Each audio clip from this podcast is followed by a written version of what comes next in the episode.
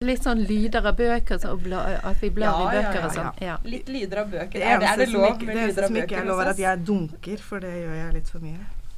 Ja, Så sånn. det gjelder å sitte litt i ro. litt i Men ro, det er lov å mm, ta opp en bok, Ja da, liksom. kan godt ta opp en bok. Norskpraten En pod for oss som elsker norskfaget. med Maja Mikkelsen og Stine Brynildsen. dypt inne i skogen lå rasken sitt hi, en ordensglad grevling med ryddemani. Han ryddet i blomstene, sjekket hvert blad. De som ikke helt passet, de klippet han av. Han finkjemmet reven, ja, så pelsen ble glatt. Nå.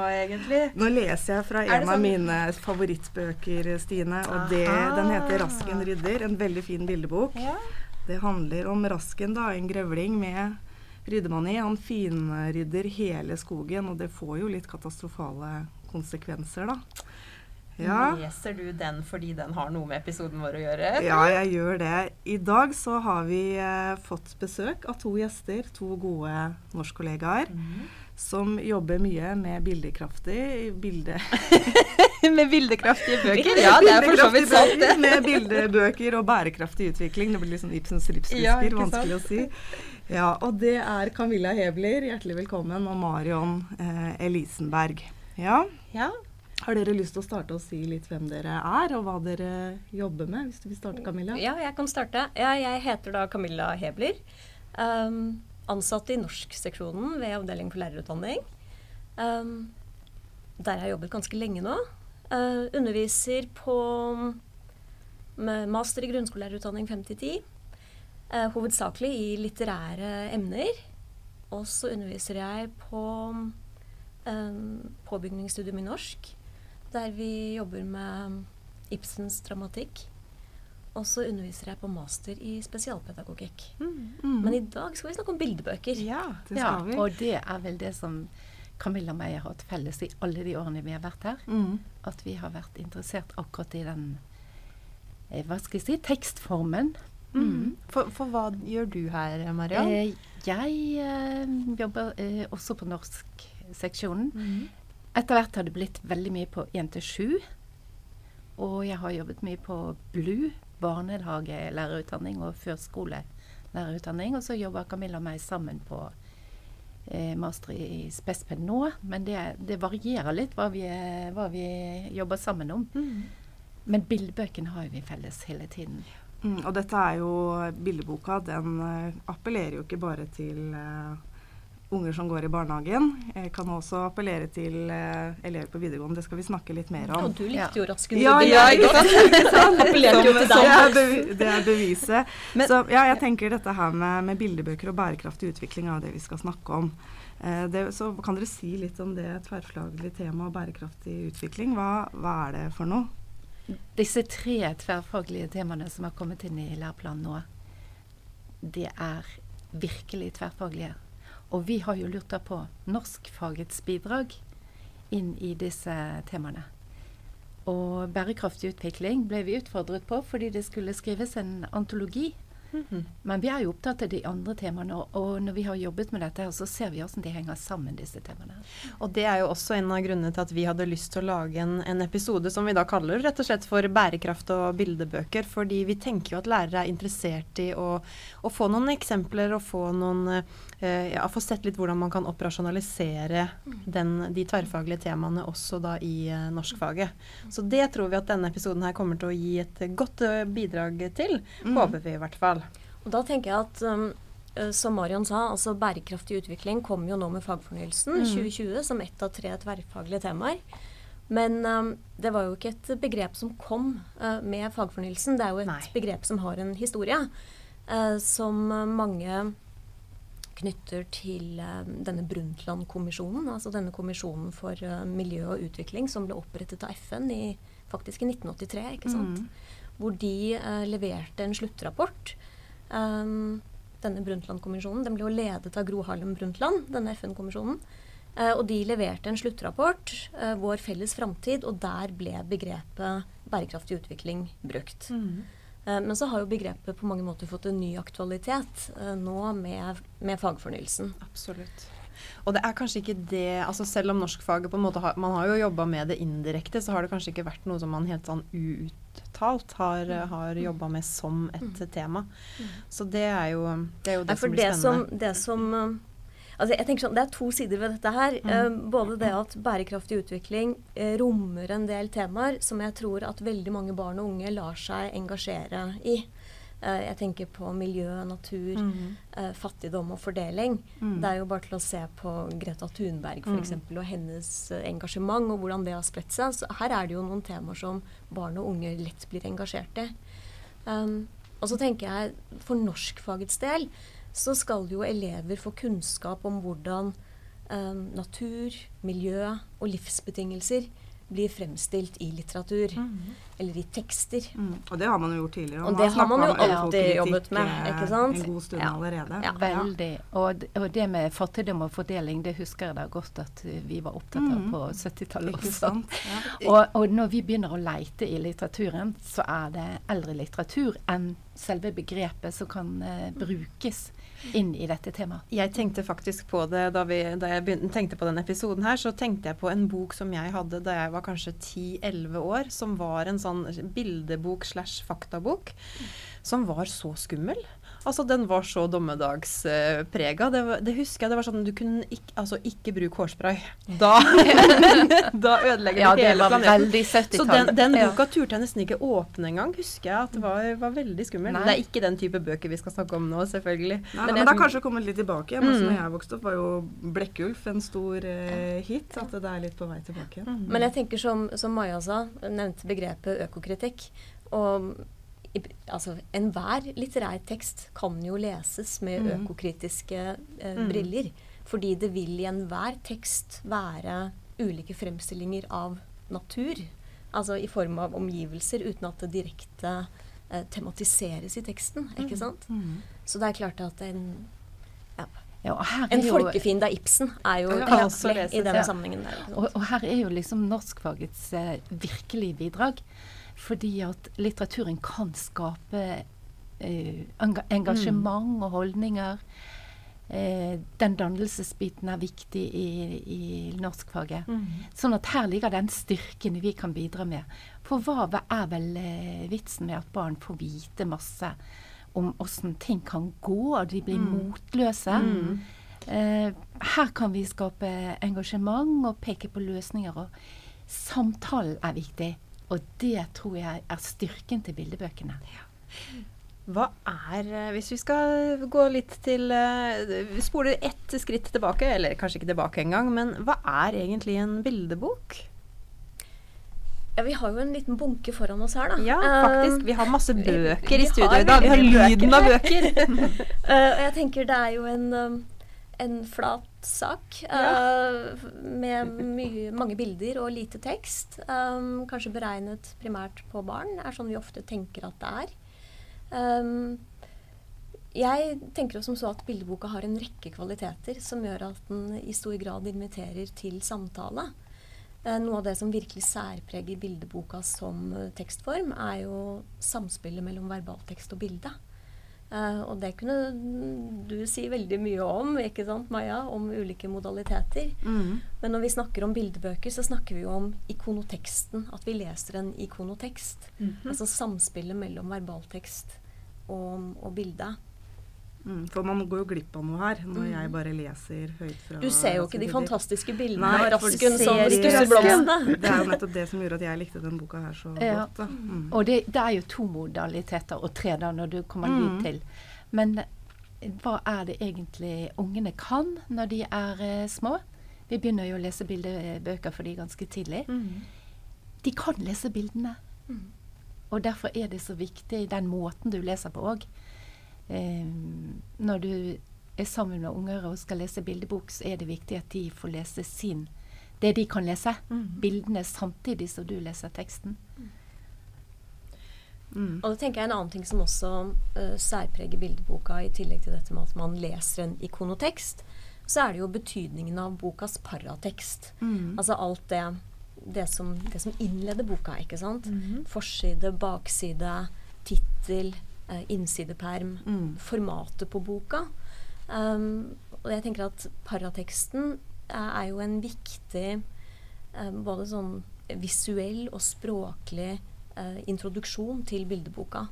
Og er viktig for unge lesere ikke sant? for å etablere en forforståelse. Hva er det som kommer nå, og hvordan lesningen da eh, introduseres. Mm, og hvordan motiveres man til å lese den i det hele tatt. Jeg husker jo fra, jeg har, hatt med mine, jeg har jobba med videregående skoleelever, så jeg har, vi har ikke jobba så mye med bildebøker. Men, men, å ha med sine egne barn til biblioteket f.eks., mm. da stopper det jo opp ved de bøkene som de syns ser Eh, mm. fine ut først, eller som fanger en eller annen mm. interesse um, aller først. Eller som er utstilt på biblioteket på en eller annen måte. Mm. Jeg tenker Baksida på 'Rasken rydder' den metakommuniserer jo om boka. Det står her 'denne boka skal holdes pen og ryddig', står det på baksida. Så ser vi Rasken som plasserer uh, boka da, i bokhylla. Ja. Ja. Ja. Jeg er litt nysgjerrig på når man er lærer. Um, vet man noe om hvordan lærere jobber med bildebøker? og barn? Altså Vet man noe om hvordan lærere presenterer eh, det? det har vi, ikke, vi har ikke egentlig sagt at vi skal snakke om det, men det var et spørsmål som dukka opp nå. Jeg har jo snakket mye med studentene mine eh, når de har vært ute i praksis. Både de som er i barnehage og de som er i skole. Og det de sier De leser ikke så mye bildebøker egentlig Nei. i småskole lenger. I hvert fall ikke i de klassene som jeg har hatt studenter. Eh, de, ungene sitter og leser på egen hånd. Ja. I eh, barnehagen så er det ofte sånn at den voksne sitter og leser verbalteksten, da. Det er skriften. Og så snur de etterpå boka og skal vise. Ja. Men det ideelle er jo liksom at du har noen i armkroken mm. og på fanget og over skulderen, sånn at de får oppleve eh, hele boka samtidig. I alle oppslagene. Mm. Og at leseopplevelsen ikke bare handler om boka, da, men det handler om nærkontakt med den voksne òg. Veldig. Mm. Fordi når du ikke leser selv, så er jo det et kjennetegn på den lekende leseren. Mm. Det at du leser sammen med en voksen. Mm. Og den voksne må jo være en lekende leser også, og følge barna når de leser ting i bildet. Og får assosiasjoner, og kanskje begynner å leke ut fra bildet. Ja, for det er interessant. Man har ulike leserroller avhengig av altså hvor, hvilken alder man, eh, man, har, rett og slett. Kan ikke dere si mm. litt om Du nevnte den lekende leseren. Det fins ulike typer lesere. Ja, vi holder oss jo til uh, ja. Appleyard, da. Mm. Som dessverre aldri er oversatt til norsk. Men han, eh, han, har jo sett på barns kognitive utvikling. Eh, Piaget, da. Mm. Men også all kritikken som har kommet mot eh, Piaget. Og så har han eh, snakket med over 100 personer i alle aldre. Og inndelt i fem ulike leserroller, hvorav eh, barnets leserrolle er de to første. Den lekende leseren som vi treffer i barnehage langt oppover, egentlig, hvis mm. vi tillater det. Eh, og så utvikler man seg sånn at man kan innta stadig nye roller. Men det er viktig å ikke glemme de første rollene mm. du har mm. vært i eh, når du leser for barn. Mm. Og den neste rollen, er det, da er det jo eh, leseren som helt og heltinne, hvor man identifiserer seg med heltene og heltinnene sine. Særlig på handlingssiden. Mm. Fordi den neste eh, leserrollen du skal modnes inn i, det er jo liksom å bli opptatt av det indre livet. Ja, mange mm. kommer ja, en sånn, ikke En sånn meningssøkende leser som er mer mot ja. ungdomstrinnet, hvor ja. man blir mer opptatt av um, altså refleksjon og det mm. indre liv og mm. leseren som tenker. Mm. Ja. Mens uh, de to første leserrollene, den lekende leseren fra sånn null til seks år kanskje, og leseren som helt til tinne, som er leseren på barnetrinnet, er opptatt av det handlingsdrevne. ikke sant? Den mm. ytre handlingen, dramatikken. Mm. Så. Og etter, etter um, den indre så kommer altså Dere, dere har nevnt tre nå. Det er mhm. nysgjerrig på de to siste. Sa det ja, ikke fem? Eller? Jo da, den fortolkende, analyserende leseren. Da har du hva skal jeg si, Da begynner man å snakke om de voksne leserne. Mm. altså Videregående skole, våre studenter f.eks. Mm. Uh, og den siste rollen som Appleyard uh, opererer med, det er den pragmatiske leseren. Um, men og de, veksle, er det vel ikke så veldig mange ja. egentlig som når, eh, hvis man ikke er veldig opptatt av lesing. Mm. Sånn som norsklærere. Ja, så norsklærere kan, kan ofte være pragmatiske det, det, det, er nyttig for en, for en, lærer å ha kunnskap om de ulike rollene, mm. og hvordan man kan bevege seg um, mellom de ulike rollene. Mm. Og så tenker jeg at det kan være nyttig når man skal anbefale bøker Ja. for barn. Mm. Fordi da kan man tenke altså, hva er det som tiltaler leseren i den aldersgruppa? Eh, muligens. Altså lesere er jo forskjellige, så det er jo ikke noe uh, endelig fastlagt her. Men det kan være nyttig kunnskap å ha når man skal uh, formidle litteratur for barn. Veldig Men da tenker jeg også dette her med bildebøker. Det vil man jo kanskje kunne tenke seg at passer best i den første den lekende leseren, da. Men hva kan man tenke om det på videregående f.eks.? Hvordan kan man bruke bildebøker da for de elevene som er, i en har en annen leserolle? Leseren som tenker, altså da når du begynner å reflektere over eh, kanskje heltene dine sine, sitt indre liv, og denne her videre hvor du eh, begynner å tolke, stiller deg utenfor teksten og tolker, den passer veldig godt på mange moderne bildebøker. Som ikke har bare det som vi var vant til fra gamle dager med Ja. bildebøker. At eh, de to modalitetene utfyller hverandre og kanskje noen ganger er ganske symmetriske. Mens eh, i moderne bildebøker så er det mer sånn at eh, det, som, det som står i verbalteksten, kan være en helt annen ting enn det som står i bildet, eller du, det du kan lese i bildet. Jeg vil jo peke på Gro Dale og Svein Nyhus sine Ja. bøker der, hvor eh, Svein Nyhus eh, tolker det som Gro Dale skriver, men han, han tegner det som er mellom linjene. Det egentlig, og, og det kan virke som en motsigelse. Og det er ikke sikkert barn oppdager det. Men eh, når du begynner å snakke Jeg har prøvd eh, noen av disse bøkene å snakke med både ungdomsskoleelever og videregående elever. Og de er mye, mye mer våken for dette her med hva, hva Hvordan virker disse to modalitetene sammen? Og hva sier bildene egentlig? Veldig interessant. Jeg lurer på om eh, Jeg har litt lyst til å knytte det til, eh, til bærekraft, jeg nå. Bildebøker og bærekraft. For det, det var jo det dere har mm. kobla sammen. Um, kan ikke dere si litt om, eh, om det? Bildebøker og bærekraft? Jo, det vi, eh, det vi har gjort, er at vi har plukket frem eh, noen bildebøker som vi tenker at på, på ulike måter eh, tematiserer litt forskjellige aspekter ved, ved bærekraftig utvikling. Eh, vi har bl.a. da tatt for oss dette med fremstillinger av natur og barns opplevelser i naturen. Barns naturerfaringer. Eh, så har vi tatt for oss dette med klima og miljø. Um, forbruk og forurensning. Og så har vi funnet noen, um, noen bildebøker som på ulike måter eh, tematiserer disse temaene. Um, og de bildebøkene som vi har uh, funnet frem, de er nok uh, primært bildebøker som retter seg mot unge lesere. Så disse bildebøkene er kanskje ikke så godt egnet for, uh, for elever i ungdomsskolen eller i videregående skole. Kan jeg bare, vi bare sier da at vi legger ut en liste og et bilde Mm, Vi vi legger ut et bilde av bildebøkene og en, Ja. en liste over dem, sånn at man kan Mm. få, få, få se det. Men har dere, bare før vi går litt videre, hvordan, få, hvordan finner man gode bøker som handler om bærekraftig utvikling? Man um, leser, og så Ja. leter man, og så finner man en flink, flink bibliotekar Mm, ja, som ja. øh, har god oversikt, Mm. og det har vi her på høyskolen. Som, uh, folk som kan være behjelpelige med den slags.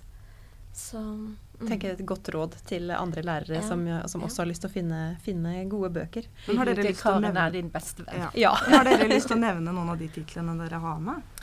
Ja, eh, hvis vi starter med eh, en trilogi mm som, eh, som kanskje ikke er sånn helt åpenbar i en sånn bærekraftsammenheng. Eh, og det er trilogien om Garman, eh, som sikkert mange kjenner, skrevet og illustrert av eh, Stian Hola. Den tenker vi at er et godt eksempel på hvordan man kan undersøke fremstilling av natur, og særlig barns opplevelser i naturen. For her følger vi jo Garman um, sommeren før han begynner på skolen, og fram til han starter på skolen. Og vi blir presentert for en masse undringer og spørsmål som Garman har om vennskap og kjærlighet og Guds eksistens og det å miste tenner. Det handler ikke så mye om uh, natur i verbalteksten. Men de fantastiske bildene til Stian Hole, der er naturen helt sentral. Altså naturen liksom slynger seg omkring uh, bildenes hovedmotiv. Det er blader og blomster og bær og frukter, og det er maur som kryper over oppslaget. Og man kan se et sånt frø fra en avblomstret løvetann som liksom leder leseren over til å vende mm. siden. Så det er proppfullt av fremstillinger av natur i de bøkene. Samtidig som Garman og eh, Johanna, venninne, kjæreste, de gjør veldig mange ting ute i naturen. Um, de bader i et skogstjern, de finner en død fugl som de begraver. De sitter og ser på stjernehimmelen. Um, og da tenker jeg ja um, Han Garman han beveger seg fra hagen sin, hvor mm. første boka er, ut i gaten sin og treffer en klok voksen. Og så denne kjæresten da i tredje boka, hvor de bader i et skogstjern. Mm. Hvem barn får lov til det, da? Så da, det er litt sånn nostalgisk eh, mm. preg over disse bøkene. Min barndom på 60-tallet var sånn. Mm. ikke at vi badet i skogstjern, men det var ikke noe sånn veldig forbud mot å gå til sjøen, for jeg var mye på en øy. Mm. Eller da fikk jo ikke vi beveget oss. Nei. sånn at uh, disse barna får oppleve naturen på nært hold og bli glad i naturen. Og jeg ser jo litt på Monsen, jeg, på, mm. på tur. Mm, det gjør jeg òg. ja, og, og, har hørt om hans barndom, åssen han var i naturen. Og han sier jo også når du blir glad i naturen, så får du lyst til å ta vare på naturen. Og det er nettopp denne her holdningsbiten som Ja, denne dannelsesbiten som bøker kan bidra mm. så veldig til mm. Å utvikle.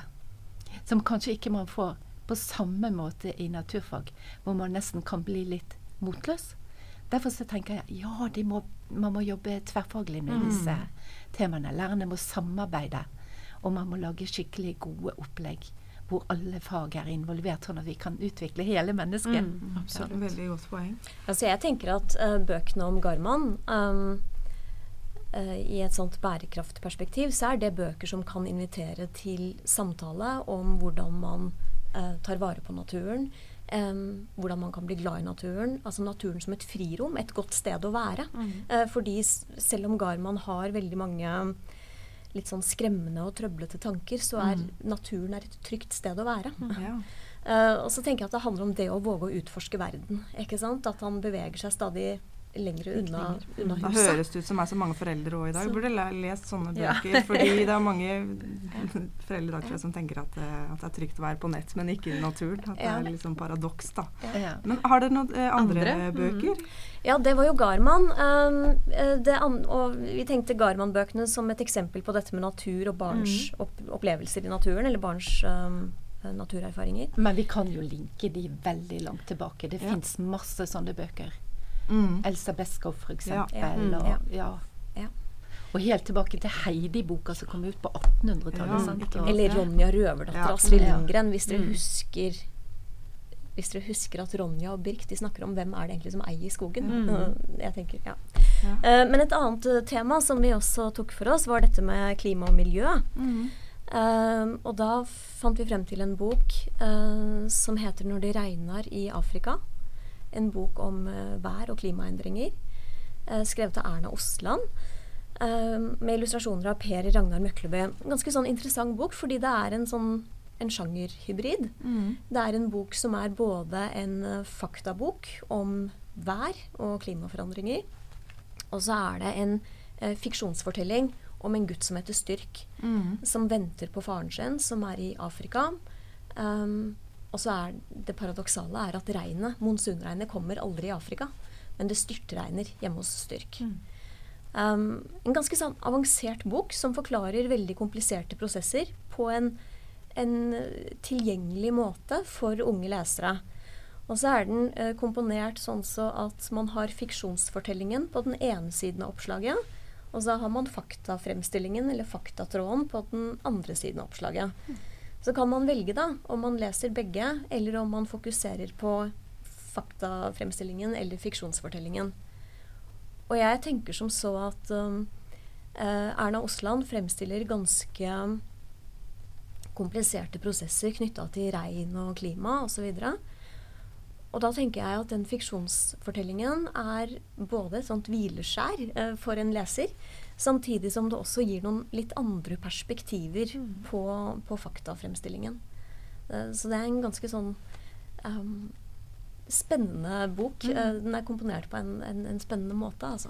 Ja, og i samme kategori med klimamiljø, klima og miljø, så har jo du denne rasken Ja, det var den var jeg er, ja, sånn, den er Jeg skal lese den, Skal lese det. det hele Gjør før det. vi gir oss? Ja. Ja. Men dere har med flere. Vi må jo gjennom, eh, prøve å komme oss gjennom bunken. Nevne et par titler Eh, ja, fordi altså Vi har jo også denne fattigdom og fordeling var Ja. også en sånn uh, kategori som vi opererte med.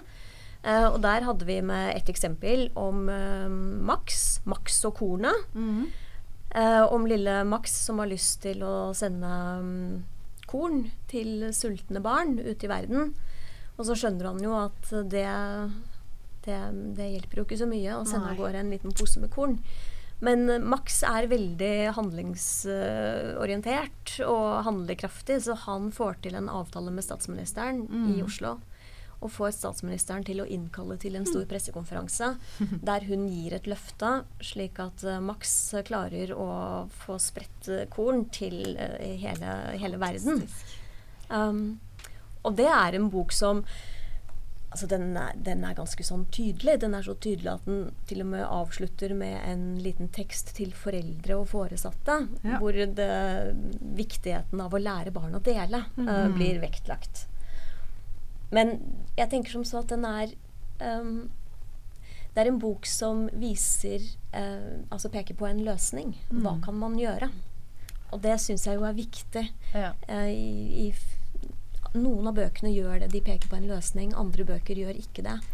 Men det er klart at det kan være viktig for enkelte barn. Ja. At, eh, at man ikke mister motet, og at man ser at ok, dette er noe vi kan gjøre. Det, det gjør jo Rasken Rydder òg. Han får hjelp av vennene sine til å Ja. ordne opp. Når han har Ja. asfaltert til slutt hele skogen, så, Ja. så finner de en løsning på det. Og fins det ikke en sånn løsning, så må man gjøre sånn som i afrikanske eventyr. Ja. Man må diskutere hva kan vi gjøre nå. Det er, det er det, er nesten det aller viktigste for at barn ikke skal bli passivisert. Det å bare bli presentert for, for problemer hele tiden, det er ikke sunt. Nei, for det tenker jo jeg òg med de bildebøkene som jeg vet at dere også har prata litt om, det er jo hvordan kan de bildebøkene være med på å sette i gang en samtale. Ikke sant? Hvordan kan man samtale om med, altså bruke bildebøkene som utgangspunkt for en samtale om bærekraft med ungene.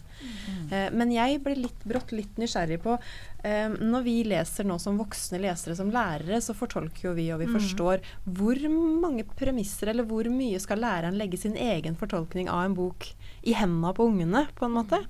Hvor mye skal man åpne opp for sånn helt eh, Altså, som lærer så har man jo gjerne en, man har jo gjerne en plan, og man vil jo gjerne nå et sted. Eh, men, men kan man bruke de bildebøkene her eh, Altså er det viktig at læreren på en måte forteller at nå skjer det, og så, så blir det sånn og sånn, eller skal man liksom legge det åpent for ungene til fortolkning? Ja, altså jeg tenker at um, når man um, har en samtale med barn ehm, med utgangspunkt i en bildebok, så tenker jeg at det er utrolig viktig at man um, er en samtalepartner på den måten at man følger barnets undring og barnets eh, initiativ. Um, og det altså, altså barn leser eh, bøker på ulike måter, akkurat som voksne leser eh, bøker på ulike måter. Altså barn er like forskjellige som, som voksne er forskjellige, tenker jeg. Men um, det er klart at man som, som norsklærer, hvis man skal arbeide med temaet bærekraftig utvikling, eh, så går det jo an å henlede barnets oppmerksomhet på, på noe. Og det vil jo automatisk skje hvis man har tverrfaglig eh, temaundervisning. Mm. For da eh, er jo naturfaglæreren der og peker på de tingene som er utfordring. Mm. Og så når vi leser en bok eh, i etterkant kanskje, så trenger ikke den peke så tydelig eh, på det problemet. Men noen av de bøkene vi har med oss, de peker veldig tydelig på, Mm. i verbalteksten på problemene. Så det er klart at man har jo noen læringsmål, og man har jo et poeng. Jeg tenker sånn som den boka om Garman, da, som, som kan forstås sikkert og snakkes om på veldig mange, mange forskjellige nivåer og mange ulik tematikk.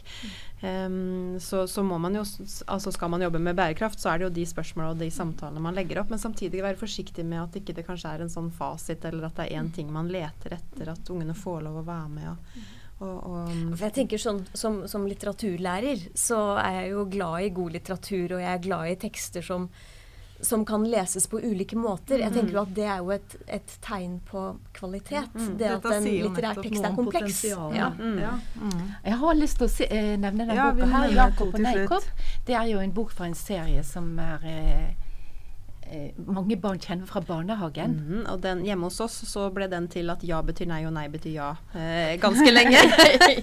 ja, akkurat. Vi gjorde Ja. det omvendt. Men her er det veldig tydelig det temaet om eh, bærekraft. Og ut fra forbruk og forurensning. Så hvis barna kjenner Jakob og Neikop fra før, så får de plutselig en ny dimensjon. For de skal jo rydde opp i dette med overforbruk.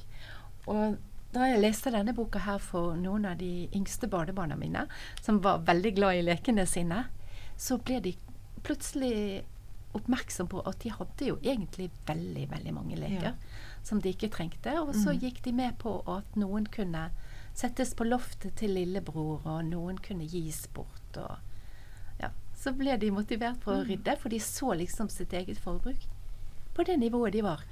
Ja. Veldig interessant. Vi kunne jo snakke om Ja, bildebøker eh, herfra til Ja. månen, vi er helt, helt sikkert. Men, eh, men jeg lurer på én ting før vi begynner å, å runde av litt. eh, Hvordan, altså, vi hører jo veldig mye om eh, bærekraft i medier eh, også. Eh, man, ungene møter jo mye om, om eh, miljøutfordringer på, på nettet. På, på sosiale medier, på NRK Super, på altså, Så Hvordan- tenker jeg på Greta Thunberg, da, Ja. som eh, veldig mange har engasjert seg i, Uh, i det. Hvordan kan bøker på en måte være en motvekt til, eller et tillegg til, eller hva, hva vil dere kalle det, til, Mm. til framstillinger som kommer i, i media? Hvorfor skal vi egentlig lese de bøkene, er vel egentlig spørsmålet. Jeg tenker at um, eh, styrken til skjønnlitterære tekster, og i dette tilfellet bildebøker, Mm.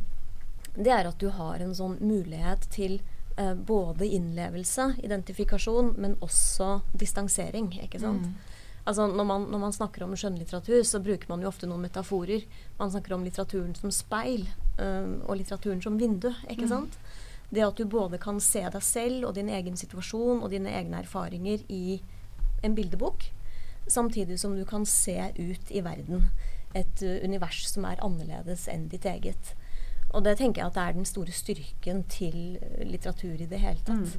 Nettopp det at du har denne muligheten til både eh, innlevelse og identifikasjon, men også det å ha distanse til, til det som blir fremstilt.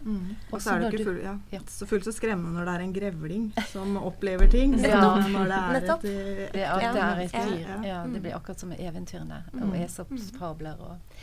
Men, men jeg tenkte også på det med bildebøker, så har du jo denne eh, rytmen i det å bla om, sant? og det, det blir en mer sakte eh, inntrykksfase, ja. liksom. Og det blir mer rom for å samtale. Du har sånn automatiske lesestopp når du blar. Og hva kommer nå på neste oppslag? Eh, bildebøker er enda bedre enn fortellingsbøker når barn er i den fasen hvor de får masse impulser, de har lyst til å være medlesere. Du får ikke til det samme på film.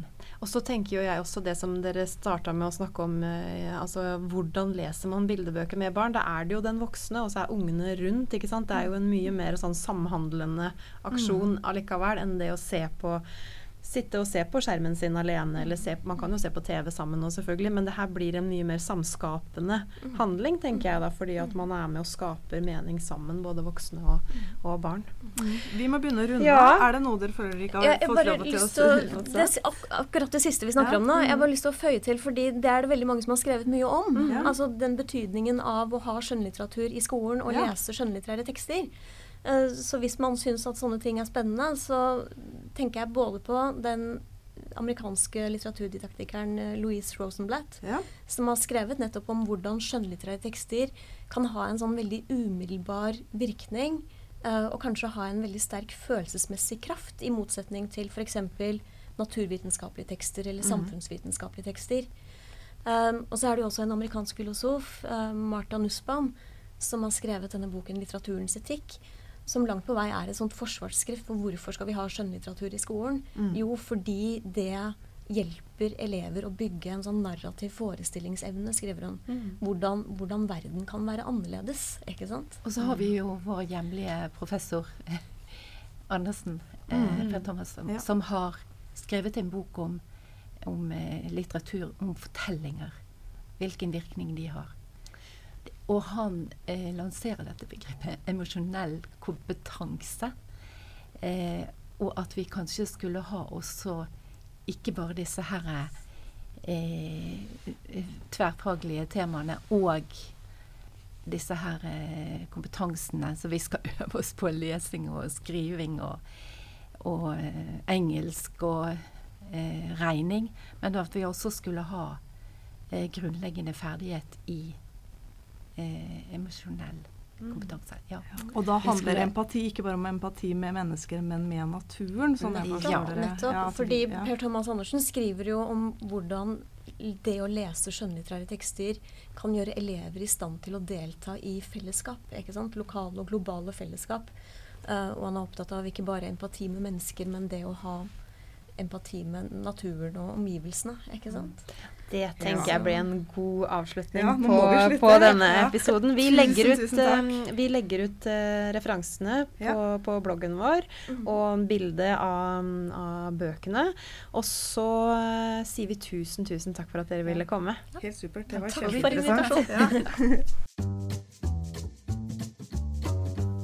Norskpraten En pod for oss som elsker norskfaget. med Maja Mikkelsen og Stine Brynildsen.